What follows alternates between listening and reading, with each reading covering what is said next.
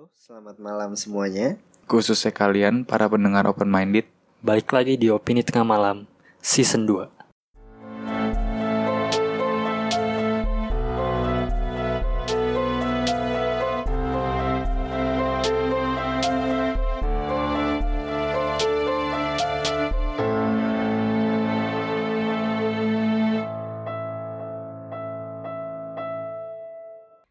semuanya, balik lagi bareng kami di podcast Opini Tengah Malam. Masih bareng gua Bimo Gua Fedrian. Dan gua Faris dan ini jadi episode yang akan ngebahas Anunnaki. Jadi gua kasih tahu dulu, ini kita akan ngebahas Anunnaki, konspirasi yang sedang ramai, konspirasi yang sangat-sangat mind blowing.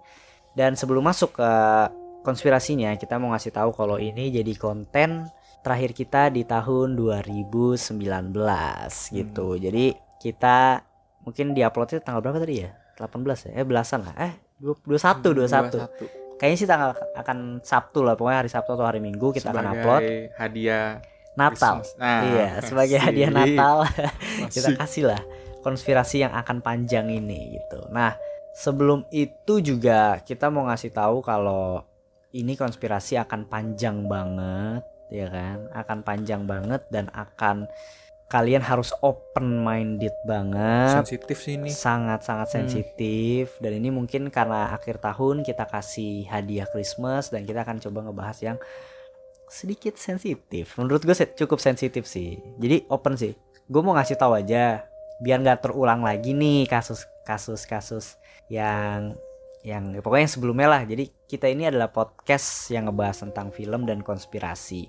Kalau kita udah menyebutkan konspirasi, berarti kita membahas tentang hal-hal yang kebenarannya itu belum apa ya, belum valid lah. Hmm, Iya kan sih? masih dipertanyakan. Yang masih dipertanyakan gitu. Jadi jangan dianggap serius gitu dan kalau seandainya ad- ah, kalian komen, ya kenapa websitenya selalu kaskus, Reddit atau website-website nggak jelas gitu karena ini konspirasi. Nggak mungkin website kredibel mengangkat ah, konten konspirasi yang kebenarannya belum ada gitu loh maksud gua. Bener nggak sih?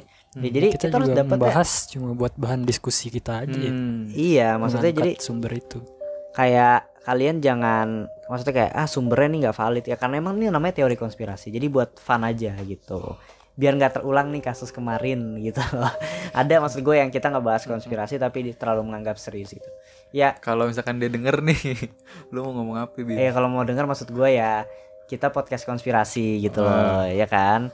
Jadi open minded gitu. Dan sebelum kak sebelum misalnya kalian ngejudge kita nggak kredibel mungkin kalian lihat dulu episode bawahnya gitu. Nggak mungkin kita ah ini podcast katanya kredibel tapi bahasnya piramida tertua ada di Indonesia. Hmm. itu jelas udah udah kita bahas konspirasi gitu loh bukan ya?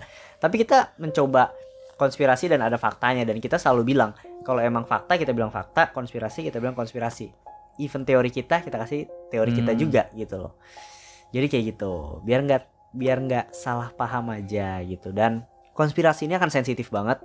Jadi buat kalian yang emang gua kasih tau sedikit deh sensitifnya itu karena akan sedikit ngebawa uh, kepercayaan kepercayaan kepercayaan jadi uh, buat kalian yang emang sedikit sensitif terhadap hal itu gue saranin sih mending stop aja gitu dibanding Hmm. timbul yang lain. Dan kalau tapi kalau emang pengen tahu kepo open minded aja. Karena ini gue akan ngasih tau sumbernya dan ini konspirasinya gitu loh.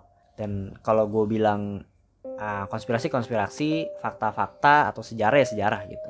Oke mungkin ah, sebelum mulai juga kita mau ngasih tahu nih. Jadi kalau kalau ah sebagai hadiah Christmas juga gitu loh Eh, kalau kalian yang geeks atau kalian yang suka pop culture gitu dan kalian lagi nyari apa ya eh, kaos dengan desain-desain yang pop culture bisa kunjungi TGIF atau apa tuh? TG TGF itu adalah Thanks Geeks is Friday gitu.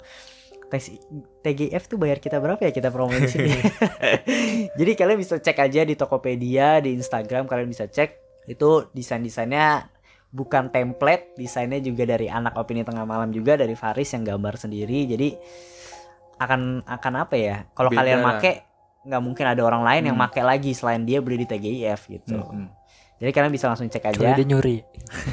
kecuali mereka nyuri gitu. Jadi gitu dan selamat mendengarkan untuk Anunnaki ini. Jadi sedikit clickbaitnya Anunnaki itu adalah konspirasinya peradaban manusia itu adalah hasil perkawinan dari alien dan Homo erectus atau penduduk bumi asli sebenarnya. Tahu kerak. Tahu kerak. Udah Jadi- manusia dikit lah.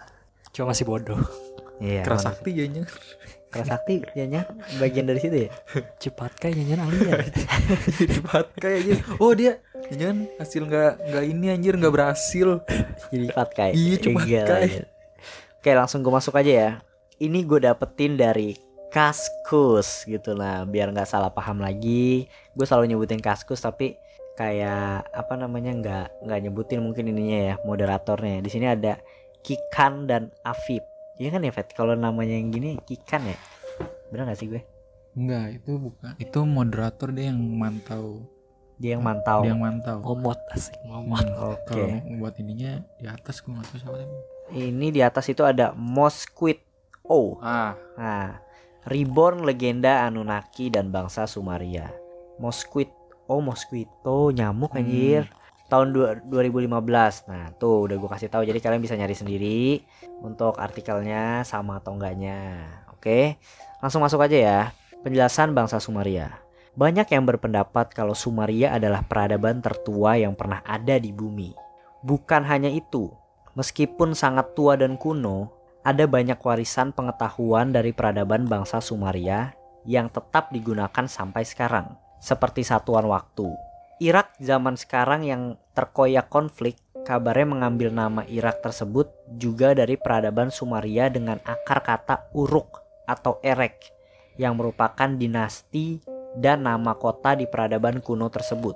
Di sekitar wilayah Sumaria ada Zigurat Ur yang tersohor dengan kisah Menara Babel, sebuah kisah ten- tentang dipencar-pencarnya umat manusia di bumi oleh Allah Samawi agar tersebar merata ke seluruh penjuru bumi. Ada pula rumor yang mengatakan kalau Sumaria yang diperkirakan berdiri antara 7000 tahun sekitar 4 eh 5000 sampai 4000 sebelum Masehi seperti halnya suku Dog- Dogon dan pengetahuan rahasia rahasianya. Konon bangsa Sumaria juga mempunyai pengetahuan rahasia tentang astronomi dan bintang yang oleh manusia sekarang dijadikan kontroversi. Mulai dari soal planet Nibiru sampai teori Asian Aliens. Nah, ini konspirasinya nanti, planet Nibiru dan teori Asian Alien. Terlepas dari benar atau tidaknya rumor-rumor tersebut, Sumaria adalah peradaban yang luar biasa. Mendadak muncul entah dari mana dan dan hilang begitu saja juga. Nah, jadi katanya tuh Sumaria itu jadi bangsa tertua yang ada di bumi. Sekarang tuh udah punah ya berarti ya? Sudah. Udah punah. diganti sama Ir. Ir. Udah misah kayaknya deh. Hah? Udah kepisah gitu kayaknya deh. Oh. Kayaknya Soalnya- Irak dari dulu emang udah ada sendiri kayaknya sih. Cuma Maksud- mungkin tempatnya itu Sumaria ya? Apa gua nggak tahu sih. Pokoknya peradabannya cuma jadi Dulu kan mungkin pulau-pulau nyatu tuh. Oh iya. Mungkin sebenarnya bagian yang kepisah gitu loh. Oh iya iya iya iya iya. Iya paham. Ngerti paham. Ngerti nggak lu? Kan benua dulu kan nyatu kan nyambung. Oh. Sekarang kan pisah-pisah kan. Iya, iya. Ya mungkin dulu Mesopotamia bagian yang hilang-hilang itu. Iya bisa jadi. Nih dan juga sih gua. anehnya tuh bangsa eh bahasa Sumaria pun punah juga gitu. Jadi sekarang tuh untuk mentranslate artefak-artefaknya tuh dia mencoba gimana ya kayak menyatukan atau gimana sih dalam di Hmm. bahasa apa gitu mereka hanya hanya dengan intuisinya atau dengan pelajaran aja gitu. Karena bangsa bahasanya pun benar-benar punah gitu bersama peradabannya. Ini unik kan? Nah ini nih. Selanjutnya adalah bahasa Sumari Sumeria punah karena kekeringan. Ini dari Washington. Nih dia nyantumin sumber nih dia nih dari berita nih Seorang ahli geologi mengatakan bahwa punahnya bahasa Sumeria kuno disebabkan oleh kekeringan panjang yang terjadi 4200 tahun silam. Kekeringan tersebut berlangsung selama 200 tahun. Iya 200 tahun cuy. Dilansir dari Life Science Jumat 7 November 2012. Tuh gue bacain sumbernya tuh ya. sampai saat ini tidak ada catatan yang secara eksplisit menyebutkan kekeringan sebagai penyebab kehancuran bangsa Sumeria. Akan tetapi ada beberapa bukti arkeologis dan geologis yang menunjukkan peradaban Sumeria perlahan hancur karena kekeringan. Ini bukan soal satu musim panas atau dingin. Ini adalah kekeringan selama 200 sampai 300 tahun, ujar ahli geologi di Bird Polar Research Center, Matt Confries. Peradaban Sumeria mulai berjaya di Mesopotamia kuno pada tahun 3500 silam. Lokasinya adalah Irak di masa kini. No, benar berarti. Hmm. Sumeria kuno menemukan menemukan huruf paku, membangun roda dan busur pertama di dunia serta menulis puisi puisi epik ber- pertama ber- berjudul Gilgamesh. Namun tahun setelah 200 sampai 300 kekeringan, peradaban Sumeria akhirnya menghilang. Tepat sekira 4 tepatnya 4000 tahun silam bersama dengan hal itu. Jadi bahasanya serta bangsanya tuh punah karena kekeringan itu. Entah gue nggak tahu entah meninggal semua atau gimana. 200 tahun. Hmm. Gila ya. Makanya nih nih orang orang masih hidup di wilayah ini. Runtuhnya sebuah peradaban tidak berarti bahwa seluruh wilayah tersebut benar-benar diabaikan. Namun terjadi perubahan tajam dalam hal populasi, terang Corvis. Jadi tuh di sini nih ya gue bacain deh. Corvis mengungkapkan bukti pernah terjadinya kekeringan panjang di sana pada masa tersebut diketahui melalui naiknya penguapan air dari Laut Merah dan Laut Mati. Turunnya tingkat air di Danau Van Turki dan inti sedimen laut dari masa itu mengalami peningkatan kadar debu berdasarkan penelitian situs Purbakala Ten Leilan di Suriah diketahui bahwa pada kisaran waktu yang sama 74% hunian di Mesopotamia kuno ditinggalkan. Populasi penduduk di wilayah tersebut juga menyusut sampai 93%. Jadi ini tadi bahasa-bahasa ilmiah banget ya. Maksud gua itu bukti bahwa terjadi kekeringan di Irak tersebut yang akhirnya membuat bangsa Sumeria Sumeria itu pindah atau dia nggak di tempat itu lagi. Jadi dia Hmm. hanya meninggalkan artefak-artefaknya. Jadi misalnya ada peradabannya pada pindah di mana-mana yang akhirnya mungkin saat dia pindah akhirnya dia nggak menggunakan bahasanya sendiri menggunakan bahasa lain yang akhirnya bahasa lain itu eh bahasa Sumeria kunonya pun punah gitu. Jadi menurut gue bangsa Sumeria nggak bener-bener punah dalam arti orang-orang yang meninggal semua tapi orang-orangnya pindah. Dari yang di sini ya yang gue baca ya. Hmm. Bener gak sih karena yang ta- tanggapan gue yang gue tangkap sih gitu Bener sih kayaknya mungkin. karena emang Keringan 200 tahun anjir. 200 sampai kayak- 300 tahun aja Males ya. mending- Tahunnya udah Iya. kayak kita aja nggak ada hujan kita nggak ada hujan-hujan sekarang aja kayak ini ya ca- Udah cabut aja dah. Nah, sekarang langsung masuk ke sistem kepercayaannya nih. Kepercayaan bangsa Sumeria bersifat polteisme. Mereka percaya dan menyembah banyak dewa. Salah satu dewa utama adalah Marduk. Selain itu ada dewa-dewa yang menguasai alam yang mereka sembah yakni Enlil, Ea, Anu, Sin, Samas, Erik, Kigal. Nah, gue sebutin aja mungkin ya ada di Enlil itu dewa bumi, Ea dewa air, Anu dewa langit, Sin dewa bulan, Samas dewa matahari dan Eres Sigal dewa kematian. Kepercayaan bangsa Sumeria ini terus berkembang dan dianut oleh ke- masyarakat yang tinggal di Mesopotamia. Nah, karena kita ngebahas kepercayaan, jadi benar-benar harus open, open minded gitu karena ini kepercayaan bangsa Sumeria ya. Jadi Jadi bilang sesat. Iya. Daripada kita kita uh, bukannya apa ya kayak bukannya kita mengajarkan Kepercayaan, kepercayaan mereka, ke tapi ini kita hanya mengasih memberikan informasi untuk sekedar kalian tahu. Ini loh kepercayaan orang Sumeria iya, dulu ini loh ya. kepercayaan orang Sumeria gitu. Dan kalian nggak boleh meng sebenarnya ini kepercayaan. Jadi kalian juga nggak bisa menjudge itu salah gitu loh. Hmm. dan kita bertiga juga punya kepercayaan masing-masing gitu. Dan ini kita bahas ini hanya sekedar informasi aja dan sekedar seru aja sih kalau menurut kita. Dan gimana ya? Ah, kalian open minded di sini karena ini bahas kepercayaan respect lah sama kepercayaan orang gitu kan. Dan mungkin Faris bisa menjelaskan tentang kepercayaan yang dianut oleh bangsa Sumeria sebenarnya gue lebih mau menekankan eh, ini sih apa kepercayaannya Sumeria sama jadi kepercayaan tuh kayak lebih ke mitos-mitos dewa gitu sih ya. Hmm. sama kayak Yunani jam zaman sekarang kita kenalnya ke mitos-mitos dewa Yunani sih mirip-mirip kayak gitulah. Tapi zaman dulu itu di daerah Mesopotamia bangsa bang- orang-orang di sana tuh menyembah ke dewa yang tadi tuh Anu, Enlil, Hmm. si Anunnaki itu. Jadi dewa-dewanya tuh mereka kayak tadi yang udah dibilang Bimo men- eh, menganut politeisme yang menyembah banyak dewa. Jadi dewanya itu ada banyak. Mereka menyembah Anu, Enlil, Enki. Itu yang tiga paling kuat tuh dewanya tuh kalau di Sumeria. Yang paling apa? berpengaruh lah sama si Marduk juga. Nah, intinya sih mereka ada juga dewa-dewa lain tuh. Gue nggak inget semuanya sih. Lu inget ada siapa? Vet? Gue inget siapa ya? Siapa kayak Samas, ada Tiamat gitu-gitu lah. Oh iya sih. mitos-mitos dewa. Jadi si Anu itu yang seingat gue ya, dewa langit kalau nggak Hmm. salah. Iya, Enki benar. dewa air ya, Iya. dewa air.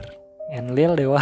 Enlil itu Gua dewa lupa, bumi Tapi katanya di sini dewa bumi. dewa bumi Nah itu. Terus ada contoh lain lagi misalnya Tiamat.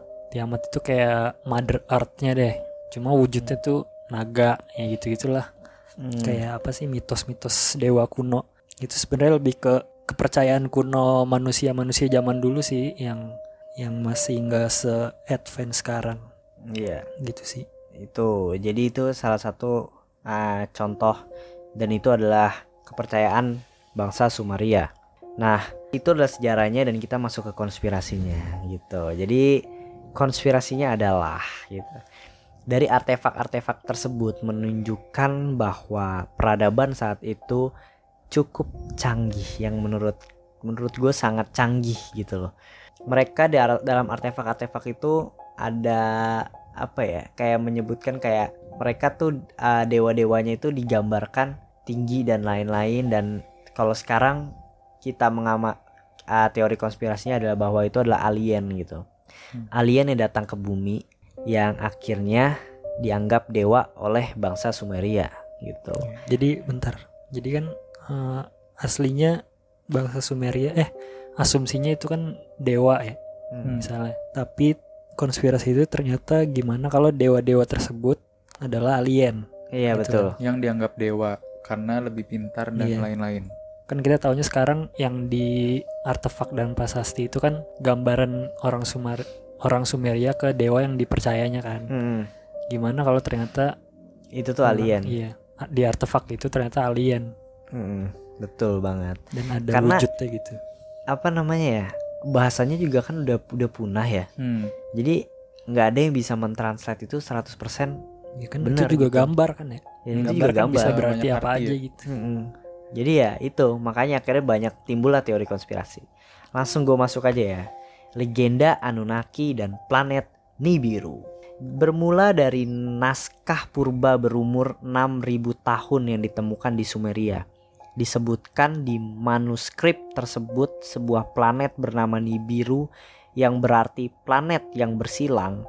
Tulisan kuno bangsa Sumeria mencatat beberapa hal menarik dan juga diyakini banyak kepercayaan yaitu penciptaan adanya Taman Eden atau Firdaus dan banjir besar yang menutupi seluruh permukaan mirip dengan kisah Nabi Nuh. Tapi bangsa Sumeria juga mencatat tentang kedatangan bangsa Anunnaki, penghuni planet Nibiru.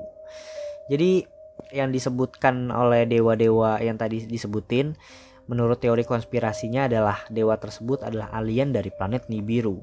Dari naskah tersebut pada tahun 1976 seorang ilmuwan bernama Zecharias Sitchin meluncurkan buku fenomenal yang berjudul The Twelve Planet. Disebut The Twelve Planet karena Sitchin mengklaim bahwa bangsa Sumeria percaya bahwa alam semesta terdiri atas 8 planet ditambah Pluto, matahari, bulan, dan planet Nibiru adalah planet ke-12 yang tiba-tiba memasuki orbit alam semesta kita. Planet Nibiru sangat besar, hampir 20 kali besar Jupiter. Konon, di antara planet Mars dan Jupiter dahulu ada planet bernama Tiamat. Nibiru yang masuk tiba-tiba ini menyebabkan Tiamat bertabrakan dengan salah satu bulan Nibiru. Cahan dari tabrakan ini menyebabkan terbentuknya planet bumi. Masih menurut Stichin, Nibiru adalah tempat berdiamnya satu ras alien bernama Anunnaki. yang memiliki periode orbit 3630 tahun mengelilingi matahari. Anunnaki sendiri sedang dalam Anunnaki sendiri dalam bahasa Sumeria berarti those who come down from the heaven, mereka yang turun dari surga. Konon Anunnaki ini kemudian turun dan berkunjung ke bumi dengan tujuan awalnya adalah menambang emas. Karena butuh tenaga kerja, Anunnaki memanipulasi gen primata yang waktu itu hidup di bumi dan lahirlah Homo sapiens yang akan dijadikan budak mereka. Pada perkembangan selanjutnya, jumlah spesies hasil rekaan mereka ini semakin bertambah. Homo sapiens semakin berkembang terlalu pesat dan jumlahnya terlalu banyak sehingga banyak di antaranya diusir dari ibu kota Anunnaki. Homo sapiens menjadi tersebar luas di bumi kemudian Anunnaki meninggalkan bumi untuk membiarkan manusia berkembang dengan kemampuan berpikirnya sendiri. Nah, jadi Anunnaki itu datang ke bumi untuk menambang monatomic gold. Monatomic gold itu adalah ah, apa ya bisa dibilang ya? Pokoknya itu salah satu emas yang bisa mengupgrade kemampuan kita atau kemampuan makhluk hidup Hmm. yang tadinya misalnya pinter bisa tambah pintar, yang tadinya ah, pokoknya pikirannya semakin kuat, bisa baca pikiran orang, bisa telepati dan lain. Kalau yang kemarin gue baca sih kurang lebih kayak gitu ya. Nah, si Anunnaki ini datang ke bumi, dia ingin menambang itu, tapi dalam menambang itu dia butuh para pekerja. Dia melihat bahwa penduduk atau apa ya, penghuni bumi ada kera yang mungkin kita sebut dalam teori Darwin adalah Homo erectus. Kera yang bodoh lah maksud gue masih yang bodoh. Dan akhirnya dia menjadikan gen. Dia disatukan dengan gen kera tersebut jadi Homo sapiens.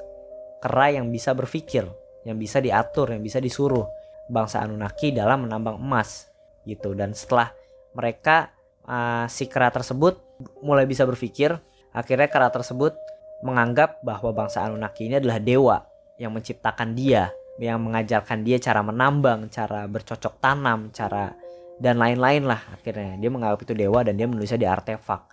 Nah itu sejak ya, konspirasi sejarahnya kayak gitu dan jadinya relate sih teori Darwin bener sih kalau dalam dalam konspirasi ini sih gimana tanggapan lo? Tapi banyak versi sih sebenarnya. Gimana? Kalau tadi lu bilang kan kalau bangsa Anunnaki tuh nyari gold tuh buat bisa ngupgrade ya. Hmm, Tapi ada yang kalau gue baca tuh dia nyari gold itu untuk memperbaiki planetnya gitu buat nangkal radiasi ya kalau gua nggak salah baca. Kalau gua nggak salah baca sih. ya oke. Karena nggak bahasa. Inggris gitu. intinya tujuannya nambang Mm-mm. sesuatu yang berharga buat untuk ras planetnya. rasnya dia dah Iya untuk Iya. rasnya dia gitu. Dan sebenarnya banyak versi sih. Tapi mau kita bahas sekarang apa ntar? Yang Anunnaki dianggap jadi Tuhan buat para. Iya bahas aja, bahas aja. Gimana? Jadi tuh kalau dalam bangsa Sumeria tuh Anunnaki itu sebenarnya ketulis sih kan apa bang apa ditemuin 14 tablet ya Hmm, tentang artefak Sumeria. hmm. Katanya tuh ditulis 1 sampai 2 di artefak batu itu tentang penciptaan langit dan bumi. Emang ya? Iya, dan ketiga itu hari di mana kita dibuat. Kalau bener ya, Nah, katanya itu gitu. ajaran dia ya Iya, itu ajaran dia. ajaran ajaran dia ya. Siapa itu?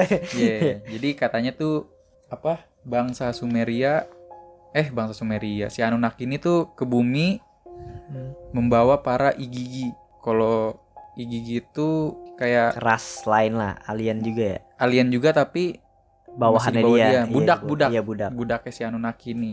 Terus si Anunnaki ini eh Anunnaki si gigi ini nggak cocok ini katanya Sama, Sama udara di bumi kan, iklim di bumi. ini teori kan Teori. teori eh, kepercayaan mereka sih Enggak, sih teori apa teori Katanya apa ditulis? Beneran dalam- ditulis di Ditulis di artefaknya cuma kita nggak tahu kan Iya. maksudnya. di artefaknya nulis dia itu alien Enggak, cuma bangsanya doang, seperti kayak budak gitu. Jadi terus akhirnya dia ngebrontak, ngelawan tuh Anunnaki. Hmm, Tapi kalah ya karena kan Anunnaki kan emang levelnya lebih di atas kan. hmm. Pokoknya kalah, kebingungan tuh gimana. Nah, katanya sih si Enki ini yang ngebuat manusia ini Hmm. pakai percobaan dari ya pokoknya percobaan lah. Awalnya katanya sih gagal gitu. Makanya tadi kan pertama gue bilang jangan-jangan cepat kai hasil gagal. Anunnaki ya. Iya, akhirnya kebentuk lah tuh. Oh iya see. Cuma gimana ya? Ya kalau di sini di sini tuh sebenarnya yang tadi lu bilang kalau lu kan Igigi dia bawa, ngebawa. Tapi kalau yang sebelumnya itu si Anunnaki-nya ini nih konspirasi yang ini yang gue baca dia itu melakukan pencobaan dia ngelihat kera awalnya tapi dia nggak mencoba dengan kera tersebut tapi dia malah mencoba dengan makhluk lain hewan lain yang ada di bumi. Hmm. yang akhirnya nggak bisa hidup gagal. Atau ah, sama sih pengaruhnya sama kayak tenaganya dia tenaganya dia lebih cepat habis dan lain-lain. Akhirnya mencoba kera gitu dan kera pertama pencobaan dia kalau nggak salah namanya itu Adamski yang gue baca Gila, Ada Rusia ya? gaul, gaul bro. Rusia ya? Dan dia baru abis itu ngambil dari tulang rusuknya si itu buat si ngebuat cewek Hmm. namanya apa ya Malven ya gue lupa namanya siapa gitu Hawaski. tapi ini ini sedikit sensitif sebenarnya nggak pak nggak masalah kan gue cuma mau nanya aja juga di sini dia yang menciptakan Taman Eden kah Katanya sih begitu. tapi gue nggak tahu Taman Eden tuh di mana kan Mm-mm. Jadi kalau di sini Taman Eden itu tujuannya untuk bercocok tanam kalau nggak salah. kalau nggak salah Ya, Untuk tahu. iya kan di Hmm. konspirasi atau di mitos-mitos legendanya Terus juga tempat buat dia ngajarin ke manusia-manusia. Ya, jadi kalau di balik ke Sumerianya lagi ya Hmm. di ajarannya dia jadi dewanya tuh membantunya bener-bener membantu ketemu orang gitu loh Hmm. kayak dibantu bener-bener dibantu berdampingan Ya, ya, gitu ya. lah Ah. Ya. kayak diajarin ini itunya sama dia langsung Oke deh, langsung gue masuk aja lagi ya. Anunnaki. Bangsa Sumeria menyimpan sebuah catatan sejarah yang mengisahkan mengenai para dewa yang memberi nama Anunnaki. Anunnaki berarti pengawasan dalam bahasa Sumeria. Dikisahkan Anunnaki ini adalah dewa yang tinggal di sebuah tempat yang jauh di langit. Yang menurut catatan para Sum- Sumerian, tempat itu bernama Nibiru. Tempat dengan kemajuan teknologi yang pesat, namun pada akhirnya menghabiskan seluruh sumber daya alamnya sehingga para Anunnaki ini terpaksa menjelajahi langit untuk mencari sumber daya baru. Oh, itu alasannya kok di sini ya. Terus fisik Anunnaki. Bandingkan fisik manusia gua Neanderthal dengan manusia modern. Di mana bedanya secara fisik? Banyak sekali. Modern kita tentunya memiliki fisik yang lebih estetik, indah, halus dibandingkan manusia gua dan itu adalah hasil perbadu- perpaduan DNA Anunnaki dengan kita gitu jadi katanya eh, dulunya itu mungkin ya ini kalau disautin sama Homo erectus itu adalah manusia gua yang tinggalnya di gua dan Anunnaki adalah bangsa yang modern pergabungan genetika yang akhirnya menyebut menghasilkan kita gitu nah bangsa Anunnaki sendiri memiliki ciri tinggi rata-rata 7 sampai 8 kaki 3 meter kulit putih rambut pirang atau merah dan bermata biru. Makanya kulit putih sejak zaman dahulu identik dengan kasta lebih tinggi. Eh ini benar juga nih. Atau dianggap lebih estetik karena masih menganut standar patokan Anunnaki. Bangsa Kauskasia, kulit putih pirang mata biru memiliki paling banyak ciri-ciri Anunnaki. Maksudnya paling sama sama Anunnaki. Ini bisa dilihat dari golongan darah mereka yaitu resus negatif. Nah, itu fisik Anunnaki dan golongan darahnya resus negatif apaan anjir Resus negatif, setahu gue ada deh di apa? Suku Baks. Suku Bas Iya. dan suku Bas Basque. itu adalah Suku Basque itu ada di antara Spanyol sama Prancis. Nah ini sebenarnya kalau di relatein sama Anunnaki tuh katanya suku Bas ini bahasanya aja tuh katanya kayak apa ya? Bahasanya tuh kayak nggak menjalar ke bang- bahasa lain gitu loh. Kayak nggak ada kesamaan deh. oh kayak dia membuat bahasa sendiri ya? Iya, sama apa ya waktu itu gue baca ya?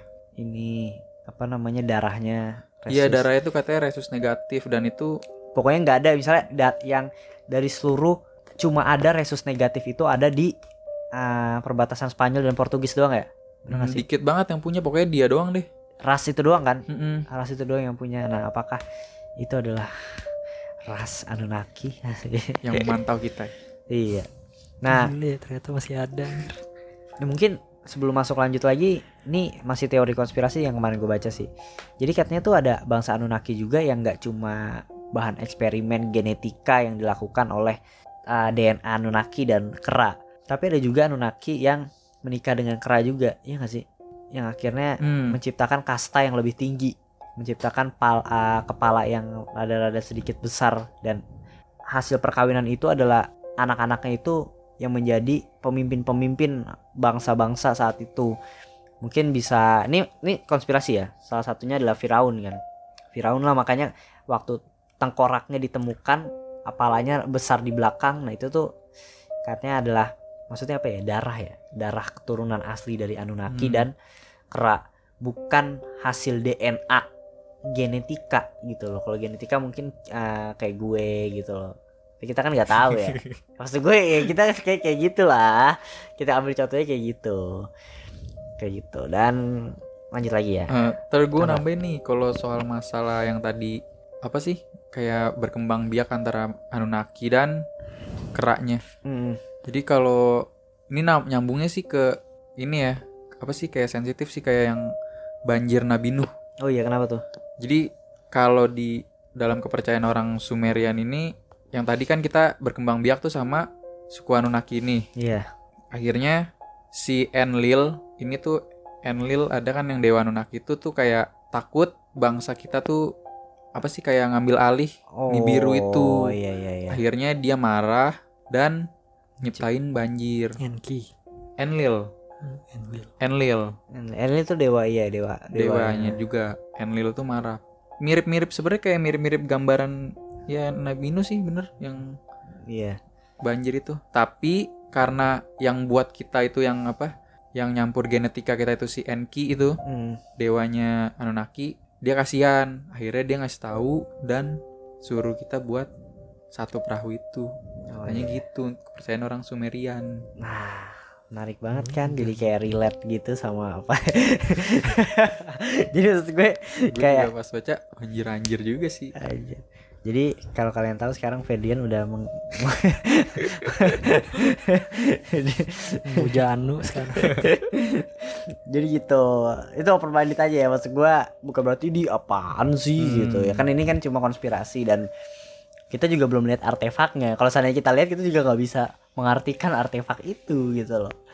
Cuma itu adalah salah satu bukti sejarah yang menurut gue jangan sampai hancur punah benar-benar karena sejarah-sejarahnya setahu gue nih udah nggak full lagi jadi mau translate pun susah gitu Ya. karena udah banyak yang hilang udah banyak yang apa gitu dan Hmm. salah satunya nih mungkin gue relatin lagi bangsa Anunnaki juga yang ngajarin gimana caranya lu membuat sebuah kota gimana caranya lu membuat sebuah piramida gitu loh maksud gue yang akhirnya saat Anunnaki cabut ya Homo sapiensnya saat itu diajarin yang itu udah lupa kayak anjir ini gimana nih buat piramida ya? Gitu. Kayak anjir susah banget nih keren banget nih. Padahal saat itu yang ngajarin si Anunnaki. Anunnaki itu udah Hmm. ngasih pengetahuan gitu. Mungkin Anunnaki eh si apa piramida Mesir. Terus apa lagi sih yang yang terkenal Borobudur misalnya. apa Sumeria juga menjadi salah satu negara yang paling canggih kali ya di antara Oh. mereka dan paling pintar itu Di eranya. iya maksudnya mereka yang pertama kali tadi kan disebutin pertama kali make busur. Iya yang terus kayak pertama- gitu. dan setahu gue juga mereka yang pertama kali eh, tahu dengan galaksi luar gitu loh. Kayak rasi bintang mereka tahu. Itu Iya, yang iya. nanti di convert ke Sagittarius sama Yunani Hmm. gitu kan. Itu awalnya dari Sumeria. Dan mereka juga yang nentuin apa setahun berapa hari satu jam waktunya berapa menit. Itu mereka juga. Hmm. bisa secanggih itu gitu Gila ya seru nih. Mungkin kan dikasih tahu kan sama yang udah tahu. Ya sih. Gile. Yang udah tahu. Udah duluan ya. ini menarik banget sih. Kita researchnya juga lumayan ya lama ya. Hmm. sampai nonton filmnya dulu filmnya ditonton ber- berkali-kali. Kita saranin mending baca. Jangan nonton. Karena nonton pusing banget pusing. Lanjut lagi nih ada penciptaan manusia tulisan kuno bangsa Sumeria mencatat adanya beberapa hal menarik yang juga diyakini banyak kepercayaan yaitu penciptaan adanya Taman Eden eh, kayaknya tadi udah deh belum deh Anunnaki menurut catatan Sumeria adalah menciptakan manusia dengan cara mengambil DNA mereka mencampurkan dengan DNA makhluk bumi. Ah, tentu saja istilah DNA belum dikenal pada zaman itu ya iyalah. Tahu gue. Di bumi para Anunnaki menggeruk sumber daya yang ada, namun banyak dari pekerja mereka yang memberontak karena tidak kuat dengan iklim bumi. Kan udah ini. Oke, sebentar ya, gue baca dulu. Oh, ini nih. Namun kebutuhan akan budak yang banyak ini membuat Homo sapiens berkembang terlalu pesat dan jumlahnya menjadi terlalu banyak sehingga banyak di antaranya yang diusir dari ibu kota Anunnaki. Homo sapiens tersebar luas di bumi, banyak juga yang pinter dan membuat peradaban sendiri. Nah ya akhir akhirnya dia si Homo sapiens ini karena emang udah diajarin Anunnaki pindah-pindah pindah-pindah dan dia membuat peradaban mereka sendiri. Mungkin menciptakan bangsa mereka sendiri dan lain-lain gitu. Melihat Homo sapiens memiliki banyak kelebihan dan kecerdasan, para Anunnaki telah mengumpulkan uh, yang telah meng- mengumpulkan cukup sumber daya alam kembali menjelajah langit. Para Anunnaki menitipkan planet bumi pada Homo sapiens atau manusia sampai pada waktunya mereka akan kembali. Asik. Jadi jadi serem deh. Catatan bangsa Sumeria ini ditemukan dan diterjemahkan oleh Zechariah Sitchin menganalisa fenomena asal-usul manusia yang mengatakan bahwa dewa-dewa yang beragam budaya yang dikenal oleh kebudayaan kuno bukan hanya sekedar mitos belaka tapi betul-betul makhluk yang datang dari luar angkasa. Ambil contoh aja suku Dogon yang dapat mengetahui letak bintang Sirius dengan tepat. Nah, suku Dogon ini adalah nama dari kelompok suku yang menempati wilayah plato tengah Mali di selatan sungai Niger. Saat ini suku Dogon berpopulasi sekitar 800 ribu jiwa. Suku Dogon sangat terkenal dan menjadi objek studi antropologi banyak ilmuwan. Mereka terkenal akan mitologi, kebudayaan, serta arti, arti arsitektur pemukimannya. Saat ini telah menjadi perubahan yang signifikan terhadap cara hidup, kebudayaan, kepercayaan orang suku Dogon. Mengapa suku primitif tersebut dapat mengetahui informasi yang didapatkan di dunia sains dengan teleskop? Bukan itu saja, Dogon itu mengetahui jika Sirius punya twin star yang tidak terlihat oleh mata manusia. Manusia. Informasi yang baru diketahui oleh dunia sains modern menggunakan perhitungan rumit. Bagaimana cara mereka mengetahuinya? Suku Dogon mengatakan jika mereka diberitahu oleh dewa mereka yang datang dari langit. Si, inilah poin dari Mr. Sichin katanya. Suku Dogon lu tau gak sih? Enggak, gue cuma baca tadi dong itu. Ya tadi kita suku Dogon kayak gitu sih intinya dia bisa mempelajari kayak astronomi padahal suku loh yang yang lu bayangin tuh suku loh bener-bener suku loh yang lu kalau lihat di TV tuh yang masih di desa-desa dan lain-lain tapi dia mengetahui astronomi dan dia pas ditanya dia bilang diajarin sama dewa yang turun dari langit gitu Kita aja negara nggak bisa. ya. iya nah iya makanya gimana nih tanggapan lu sebelum masuk ke teori konspirasi lainnya nih, dari si Anunnaki ini karena kita belum bahas filmnya sebenarnya film yang di take down itu ya gue juga nggak ngerti sih Hmm. kenapa di take down kayaknya mungkin gua ini masih jadi konspirasi karena jadi filmnya itu mau dibuat trilogi 2006 2006 2007 2008 kalau gua nggak salah ya. Kalau salah koreksi. Da film itu mengangkat tentang Anunnaki. Cerita tentang Anunnaki balik ke bumi balik ke bumi lah intinya mau ngecek entah apa atau gimana. Trailernya udah ada udah udah mau rilis filmnya udah selesai. Sutradara sutradara namanya John Grace cuma akhirnya di take down gara-gara katanya sih ya terlalu detail filmnya dan dia bener-bener mengangkat film Anunnaki ini berdasarkan sejarah kepercayaan bangsa Sumeria yang ah gue nggak tahu sih katanya film ini bahaya atau bisa mengubah mindset seseorang atau apa gue nggak tahu tapi yang jadi pertanyaan apakah kepercayaan Sumeria ini masih ada ya kayaknya udah punah deh kayak akhirnya cuma jadi artefak doang gak sih jadi sejarah jadi doang. kepercayaan kuno, udah jadi Hmm. mitologi kayak dewa-dewa Yunani. Oh. Menurut gue sih gitu. Cuma mungkin yang diangkat film itu dia ngambil yang sisi aliennya itu kayaknya sih. Iya sih alien Jadi ya. bakal Ah, lebih teori konspirasinya. Hmm, Tapi dia kan- satu-satuin sama artefak-artefaknya kayak dia Iya. mengas apa ya? kayak itu bener gitu ya. so- Pasti Soalnya itu itu juga benar. bakal nyinggung agama-agama lain juga tuh. Iya. kayak Hmm. tadi Iya, iya. kayak disangkut pautin sama misal dari agama lain. Karena jujur ya kalau kalian nih yang denger research lebih dalam gitu. Hmm. Kalian research itu menurut gua open sangat sangat open karena dia akan ngebawa banyak banget mungkin ayat-ayat yang lain gitu loh. Mungkin gue Ini singgung. sih apa? Apa? Kalau misalnya dianggap ini mitologi kayak mitos gitu, ini mitos yang paling apa ya? Ada hubungannya gitu sama Hmm. agama lain ya. Kalau Yunani kan udah jauh banget tuh ceritanya Hmm. cerita dia sendiri, dewa-dewa Aduh dia gue sendiri. jadi sempat ah gue kayak kayak pengen ngomong.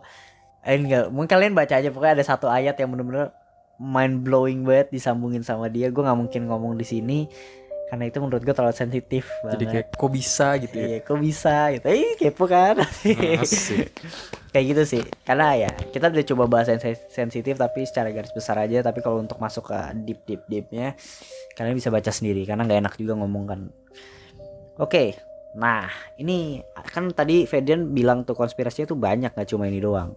Jadi gue mungkin gue bacain teori lainnya itu. Jadi ah, menurut David Itke, David Itke menyebutkan jika Anunnaki bukan berasal dari Nibiru, melainkan dari ras reptilian yang berasal dari Alpha Draconis, star system atau Draconian. Bentuknya adalah reptil. Ada lagi teori rekayasa genetika yang berasal dari informasi Alex Kohler yang bertemu dengan makhluk luar angkasa dari gugus bintang Andromeda. Makhluk-makhluk Andromeda ini mengatakan pada Kohler jika kok mengatakan oh ya mengatakan pada Kohler mereka mengetahui bahwa ras primata merupakan rekayasa genetika yang diciptakan oleh Draconian yang merupakan ras makhluk melata yang mempunyai kebiasaan-kebiasaan yang selalu ingin menciptakan untuk kepuasan dan hasil ciptaannya itu akan dijadikan sebagai sumber daya alias budak. Hasil dari eksperimen ras Draconian ini adalah Homo sapiens yang merupakan penggabung ras primata dengan 21 ras lainnya yang telah mengalami 22 kali modifikasi gen. Sampai sekarang pun manusia banyak yang tidak sadar jika mereka adalah budak dan diperbudak secara halus sekali oleh sistem canggih yang dibuat oleh Draconian gitu. Itu teori lain sih. Cuma yang paling relate ya menurut gua nggak terlalu hmm, nggak relate relate banget sih yang itu. Hmm. terlalu fantasi Terlalu Iya. fantasi. Tapi ada teori ini juga nih Bim dari orang gue baca katanya tahu kan konspirasi New World Order itu kan? Oh iya tahu. Nah katanya tuh sebenarnya suku Anunnaki tuh ninggalin bumi tapi nggak ninggalin sepenuhnya. Mereka tetap ninggalin perwakilan tapi jadinya disebut New World Order ini. Dia yang katanya Tahu Ya. segalanya. apa sih kayak ngatur dunia lah New World Order ini. jadi misalnya Illuminati tuh isinya bangsa Anunnaki Iya. Jadi dia kayak buat ya ngatur kita udah ada per- ada perwakilannya gitu.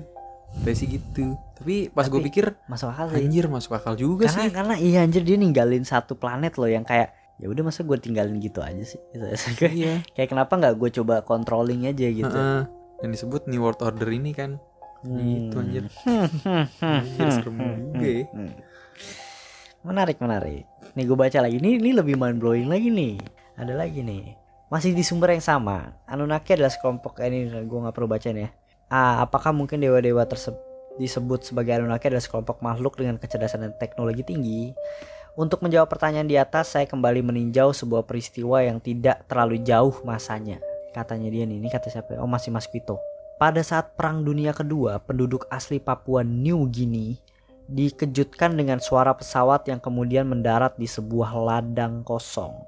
Dari dalamnya muncul orang-orang berkulit putih yang belum pernah mereka temui sebelumnya. Mereka terkejut melihat penampilan fisik mereka yang benar-benar berbeda dan mereka turun di at- dari atas yang mereka sebut burung besi. Orang Papua Guinea disebut burung besi. Dari dalam pesawat orang-orang pendatang itu dari dalam pesawat orang-orang pendatang itu menurunkan suplai bahan makanan untuk para penduduk lokal sebagai bantuan logistik atas pecahan pecahnya perang. Mungkin mereka berpikir bahwa orang-orang berpenampilan aneh dan menaiki burung besi adalah dewa yang datang dan memberikan mereka berkah berupa makanan dan obat-obatan. Tetapi beberapa waktu kemudian selesai perang dan orang-orang pendatang itu meninggalkan Papua Nugini. Penduduk lokal melihat mereka menaiki burung besi, kemudian terbang ke langit. Karena lama para dewa ini tidak kembali, maka penduduk lokal pun membuat tiruan dari pesawat dari pesawat burung besi yang ditunggangi oleh orang-orang yang dewa tersebut. Hal yang sama bisa terjadi saat orang-orang di masa lalu. Nah, poinnya adalah hal yang sama bisa dialami oleh orang masa lalu yang menganggap si Anunnaki dewa karena Anunnaki adalah lebih cerdas dan ngebantu orang-orang yang ada di situ gitu. Dan di Papua Nugini terjadi hal ini gitu. Tapi itu bukan dewa kan? Bukan. Kayak- Itu cuma analogi Mm-mm. analogi kalau apa namanya apa namanya tadi oh orang orang kalau seandainya kayak kita kedatangan Orang yang lebih orang yang pintar lebih gitu. pintar orang yang lebih punya teknologi canggih kita akan menganggap dia mungkin dewa gitu dan Hmm. itu tadi adalah anal analogi yang dikasih sama contoh dari Papua Nugini tadi pas perang dia menganggap orang itu maksudnya orang bule ya sebenarnya. Orang Hmm. bule ngasih dia makanan tapi dianggapnya dewa gitu loh. Karena eh, peradaban bukan peradaban sih saat itu status sosial mereka belum sampai sana gitu. Nah lanjut lagi nih adalah hubungan Anunnaki dan kebudayaan bangsa lain. Pada beberapa relief peninggalan bangsa Anunnaki ini gue juga belum baca nih ya ini baru pertama kali gue baca.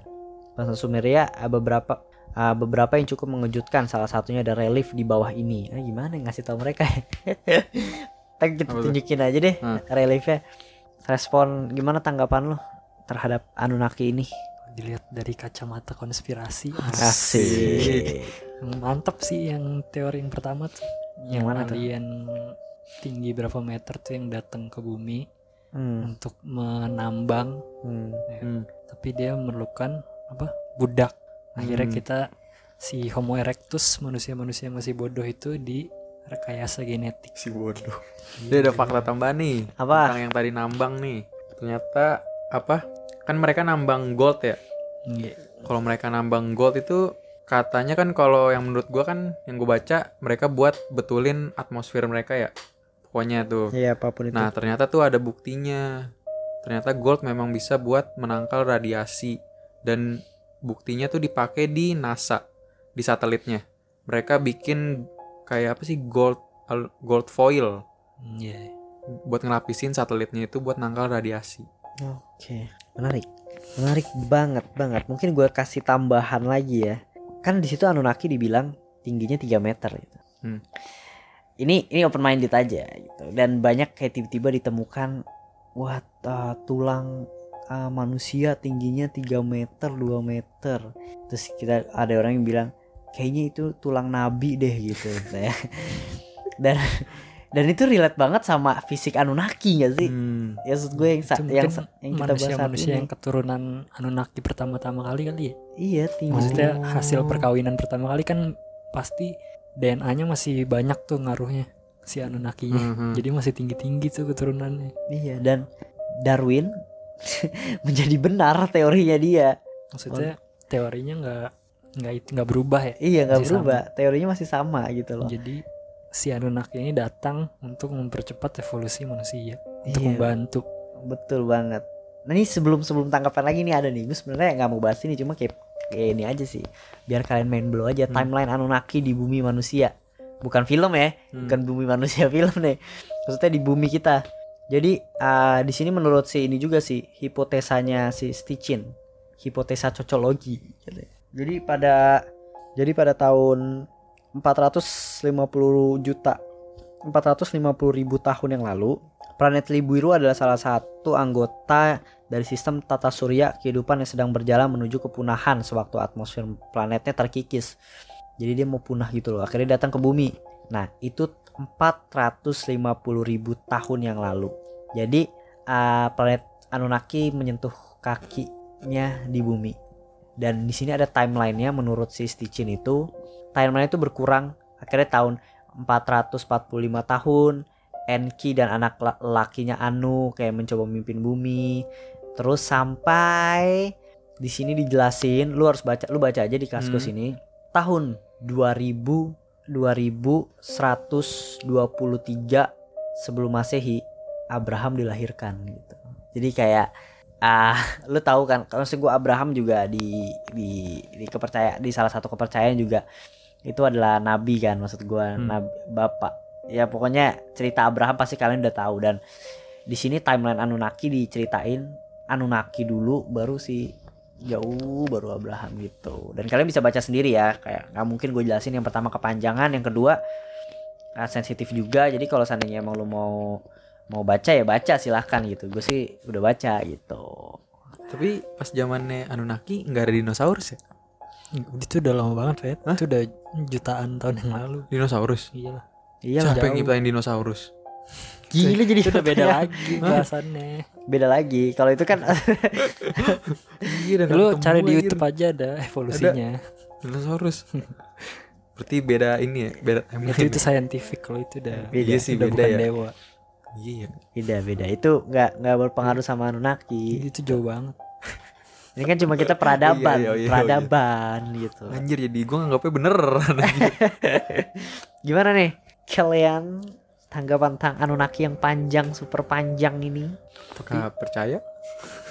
possible sih Ini kalau dari salah satu. ini ya dari apa scientific juga ya possible juga ya kalau dari scientific alien datang ke bumi dengan tujuan gitu tapi uh, membantu kita evolusi juga dan jadi sangat possible kalau kita tuh bukan one and only yang hidup di tata surya ini. Mereka mengamati kita ya, dari atas. Iya, maksud gue sangat-sangat tapi possible. dari teori tadi banyak itu kayak sedikit mengkonfirmasi teori-teori lain gitu ya Iya, Oh. jadi kayak banyak banget relate sama teori-teori lain gitu loh. Dan apakah Anunnaki denger podcast nih? Ini sebenarnya bukannya kayak ngarang ya, bukan dari mulut ke mulut gitu ya. Ini dari artefak ya. Iya. Ya walaupun bisa Bisa Artinya dinyarang juga, cuma sih. maksud gue teorinya as a konspirasi ini tuh sangat-sangat detail gitu loh. hmm, Sangat-sangat detail dia dia menyambungkan dengan ah teori Darwin maksud gua science science dia menyam- menyambungkan dengan sejarah, dia nyambungin dengan kepercayaan gitu loh. maksudnya kan ada teori lain misalnya yang bilang kalau uh, gimana kalau beberapa dari manusia ini adalah reptil yang bisa berubah wujud gitu itu kan maksudnya kan nggak mendasar iya, kan iya, iya. Kalau Atau enggak kayak yang tiba-tiba gini ah, Taylor Swift tuh cuma cloning kayak gitu gue ya kayak ya kayak anjir kalau ini kan kayak bisa kita bisa ngaitin gitu loh Hmm, hmm. kayak ada ada apa fosil yang emang bentuknya tuh aneh Tulangnya kayak gede. kepalanya Hmm. iya kepalanya gede elongated gitu Hmm. terus Firaun juga kepalanya kayak gede Hmm. banget ke belakang otaknya itu bisa dikaitin gitu Nanti kalian bisa cek sendiri loh Firaun tuh benar-benar tengkoraknya tuh gede di belakang karena gitu. pas pembahasan ini tiba-tiba gue keinget dulu kan sempet belajar tuh dikit Hmm. tentang sejarah Mesir gue inget foto-fotonya gitu kalau ternyata yang kasta-kasta tingginya tuh yang mimpin kepalanya emang lebih besar daripada yang Nah. lain gitu Dan itu bisa relate karena bangsa Anunnaki itu anak dari bangsa Anunnaki yang akhirnya anak itu jadi raja-raja saat itu. Dan itu relate juga kalau bahwa bangsa Anunnaki pintar itu dia yang membantu menciptakan piramida Mesir yang begitu gedenya, begitu gilanya. Mungkin bisa kita sambungin sama Borobudur juga. Mungkin kita bisa sambungin dengan hal-hal lain gitu loh. Tapi emang dia kelainan kali Firaun. Jadi kalau gara-gara kelainan dianggapnya spesial ya gue. tapi kan Tapi jadi raja loh. iya kan harus pinter berarti kan Aneh. Berarti kan harusnya dia di atas rata-rata gitu untuk Iya. memimpin Mesir Nah, itulah pembahasan dari Anunnaki kita. Ada lagi nggak fakta, tanggapan? Menurut lo dah nih gimana nih kalau gue kasus ini. ini? sih kalau gue jadi si manusia-manusia bodoh jangan dulu kayaknya juga kalau gue kedatangan sosok alien kayak gitu juga pasti gue anggap dewa lah Iya sih. maksudnya kita benar. dulu kan nggak ada apa-apa ya misalnya hidup pasti menganggap Hidup di bumi. goa doang. Hmm. Iya maksudnya menganggap bumi kan nggak kayak sekarang persepsinya. Dulu pasti kita anggap flat earth. Hmm. kita nggak nggak ada tuh luar angkasa planet-planet lain apaan? Nggak ada. Matahari ya buat penerangan gitu gitulah bumi datar cuma sama air. Tiba-tiba ada orang datang dari luar. Kan kita nggak ada pemikiran dia dari planet lain kan. Hmm, pasti datangnya dari surga atau dari mana Hmm. gitu. Pasti dianggap dewa lah Iya sih. terus mereka lebih pintar dari kita lebih tinggi dari kita dia tahu caranya nanam tahu caranya bikin ini itu pasti dianggap dewa lah Maksud gue juga kayak apa ya? Jadi sedikit make sense orang yang kita anggap anjir kok bisa ya dulu buat kayak gini gitu loh. Karena apa ya? eh, Dia nulis nulis di batu juga bahasanya itu udah kayak gila gitu maksud gue. Iya. Apakah Homo erectus kepikiran kayak gitu? Kayaknya enggak kalau nggak diajarin. Ya Tapi gitu. setiap kali gua mau kayak wow mungkin gue selalu kepikiran kayak lu sih Riz kayak yang lu bilang setiap zamannya pasti ada orang jenius sih. pasti Jadinya gue kayak kurang percaya lagi. Tiap kali mau percaya, soalnya waduh mungkin juga nih. Oh iya. manusia pasti bisa nemuin satu jalan dah dengan semua Hmm.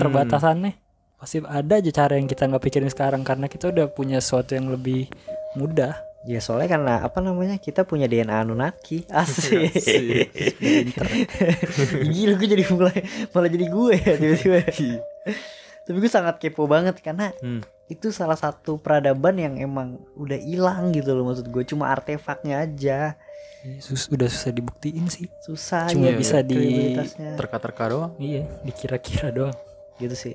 Mungkin kalau dari gue tanggapan gue ini salah satu konspirasi yang paling possible. Salah satu konspirasi yang menurut gue pas gue baca anjir gila ini. Setelah flat earth ya. Hmm. setelah flat flat earth ini salah satu konspirasi yang menurut gue gila gitu loh. Mind blow gitu.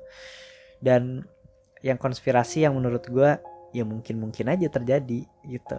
Lebih bukan dalam arti peradaban manusianya ya gitu kan. Dia kan juga nggak ngasih tahu kan siapa yang menciptakan bumi matahari Iya. siapa yang menciptakan lain-lain. Hmm. tapi dia cuma memberitahu uh, peradaban manusia ini gitu. Gitu. Jadi gue masih percaya gue gue percaya Tuhan ya yang menciptakan segalanya ya. Cuma ini kan seru aja kalau seandainya ada sejarah yang peradaban kita gitu loh. Kalau dari gue sih gitu. Jadi intinya ya sebagai fun aja lah nyari aman nih Mhm. gue. Gimana. Tetap gue juga tetap berpegang teguh lah sama kepercayaan gue lah. Gue juga apa kayak baca-baca kasus ini konspirasi ini juga kayak cuma oh bisa begini ya mungkin juga ya tapi Hmm. tetap lah gue cuma apa sih kayak tetap lah gue percaya sama kepercayaan gue iya nggak sih hmm, Is Tadi tahun berapa sih dia? apa Si Anunnaki turun? Nggak ada ya? di sini sih cuma 450 ribu tahun yang lalu itu kayak Iya maksudnya gila aja lama banget masalah itu terjadi ya. Hah? Sekarang mereka ke mana gitu? Lama banget nggak balik-balik aja. Ya kalau mereka udah punya kangen nih, kangen. kontrolernya cuma ada Tapi yang enggak dong setahu gue planet Nibiru itu tiga ribu 3000. enam ratus Berarti kalau dibagi itu berapa baru cuma berapa Maksudnya- tahun Riz Misalnya ada alien kan sih Hmm. itu Anunnaki. Maksudnya alien lain ke mana? alien lain takut sama Anunnaki nggak mau Enggak sekarang, sampai sekarang nggak ada yang pernah lihat. Hmm.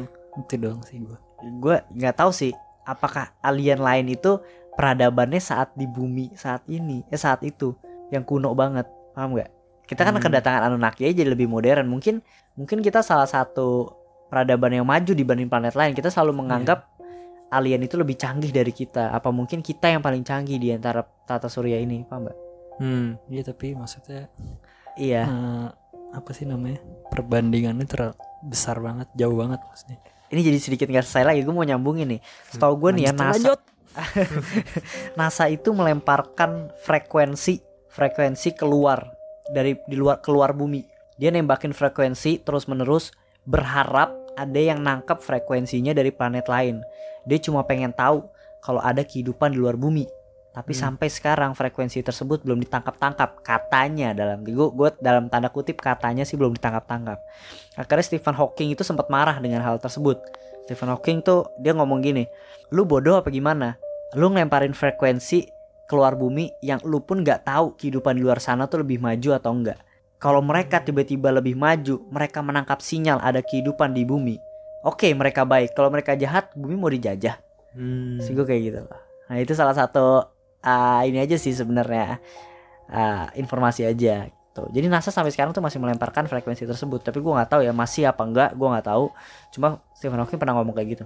Ya bener juga sih. Bener masuk sih, akal masuk sih, akal kan kayak lu Hmm. ngapa lu ngapain? Lu ngapain? Kita udah damai di sini, kita udah canggih, kita udah punya kehidupan. Kenapa lu malah nyari perkara aja? Lu kenapa lemparin frekuensi keluar? Ya lu nggak tahu kehidupan di sana tuh kayak gimana gitu. Ya kalau misalnya mereka baik, mereka sebenarnya mau jalin komunikasi gitu loh tujuannya. Tapi kalau mereka baik, kalau mereka lebih maju, mereka menjajah kita, gimana? Keren sih. Harus dibahas deh kayaknya. Apa? Tentang universe Alien ya. di satu sesi sendiri. Iya kan? So, gue itu salah satu ini aja sih sebenarnya masih relate relate kan sama Anunnaki itu. Dan dari tanggapan gue sebelum kita tuh, eh Faris udah masih tanggapan gue gimana tadi? Udah sih. Maksudnya masih ada kemungkinan bisa cuma ya paling untuk sekarang masih belum ini sih. Karena kan dari artefak ya. Iya, masih Artefak buktinya dan masih gambar kan. kecil. Nggak ada bukti-bukti yang Artefaknya juga udah hilang-hilang gitu. Iya. banyak yang pecah juga kan. Tinggal tunggu waktu aja nih. Kalau ada teknologi yang lebih canggih lagi bisa dengan akurat apa? Iya even ada teknologi canggih pun kayaknya nggak akan dipublish sih. Maksud gue even dipublish pun dia nggak akan ngasih the truthnya. Oke nih, gue kasih pahitnya deh. Kalau seandainya, nih nih ini uh, bukan pahitnya sih jatuhnya, alternatif lah, Hmm. alternatif ending. Kalau seandainya artefak itu bisa dibaca dan akhirnya terbukti bahwa Anunnaki adalah benar, dia adalah alien gitu, Hmm. adalah alien yang datang ke bumi untuk memajukan ras manusia yang menciptakan peradaban yang ada di bumi. Sedangkan yang kita alami sekarang, kita udah mempunyai kepercayaan.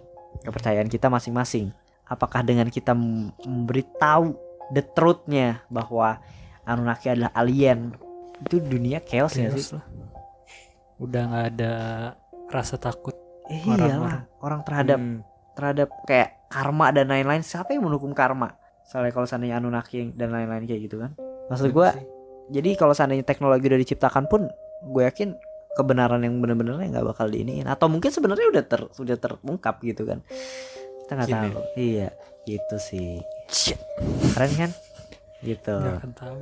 Stop senyum-senyum. Kompetitor nih. Enggak lah itu teman kita. Oke, oke, itu bro. teman kita Oke. bro.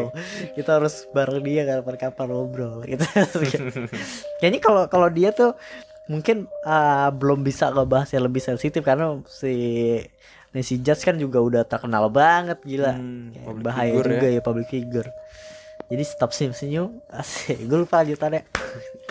Gue tadi openingnya mau kayak gitu jadi kalau kalau sekarang kan yang dengerin udah dikit deh ya kan? Hmm. pasti kan? Jadi ya udah. Oke segitu aja dari podcast opini tengah malam. Mungkin gue ngucapin makasih banget buat satu tahun ini. Thank you banget udah dengerin opini tengah malam. Udah follow atau mungkin ada yang udah follow udah sering komen. Udah sering ngasih tema juga. Gue lupa sih baca bacain tadi tema-temanya Ah, padahal ada beberapa orang. Sama ini nih mungkin kayak kita bakal minta kritik nih ya. Iya Nanti kritik. kan kita oh iya kritik setahun. saran. Kritik. bener kita Apa pun minta itu kita kritik terima. saran. Kita orangnya open minded banget. Iya kita nggak terlalu ngebawa serius. Hmm. Iya. Gue jadi minta kritik saran bisa di ntar gue coba lempar pertanyaan sih dan Hmm. lain-lain. Untuk ah kita akan mu- mungkin akan mulai nge-podcast lagi di tahun baru. Maksudnya gue nggak tahu lah Januari. Pokoknya Januari cuma gue nggak bisa mastiin tanggalnya karena kita butuh liburan juga gitu. Hmm. dan evaluasi juga apa yang perlu ditingkatin. Misalnya kayak apakah perlu eh, masih masih perlu back sound kah? Apa enggak? Kan kita perlu evaluasi. Terus juga openingnya mungkin bisa diganti atau lain-lain gitu. Evaluasi lah selalu evaluasi. Dan mungkin gue mau ngucapin dari opini tengah malam selamat Natal dan tahun baru gitu. Sampai ketemu di tahun 2019 sampai jumpa. Ho ho ho. Ini belum gue cut mampus gue cut waktu itu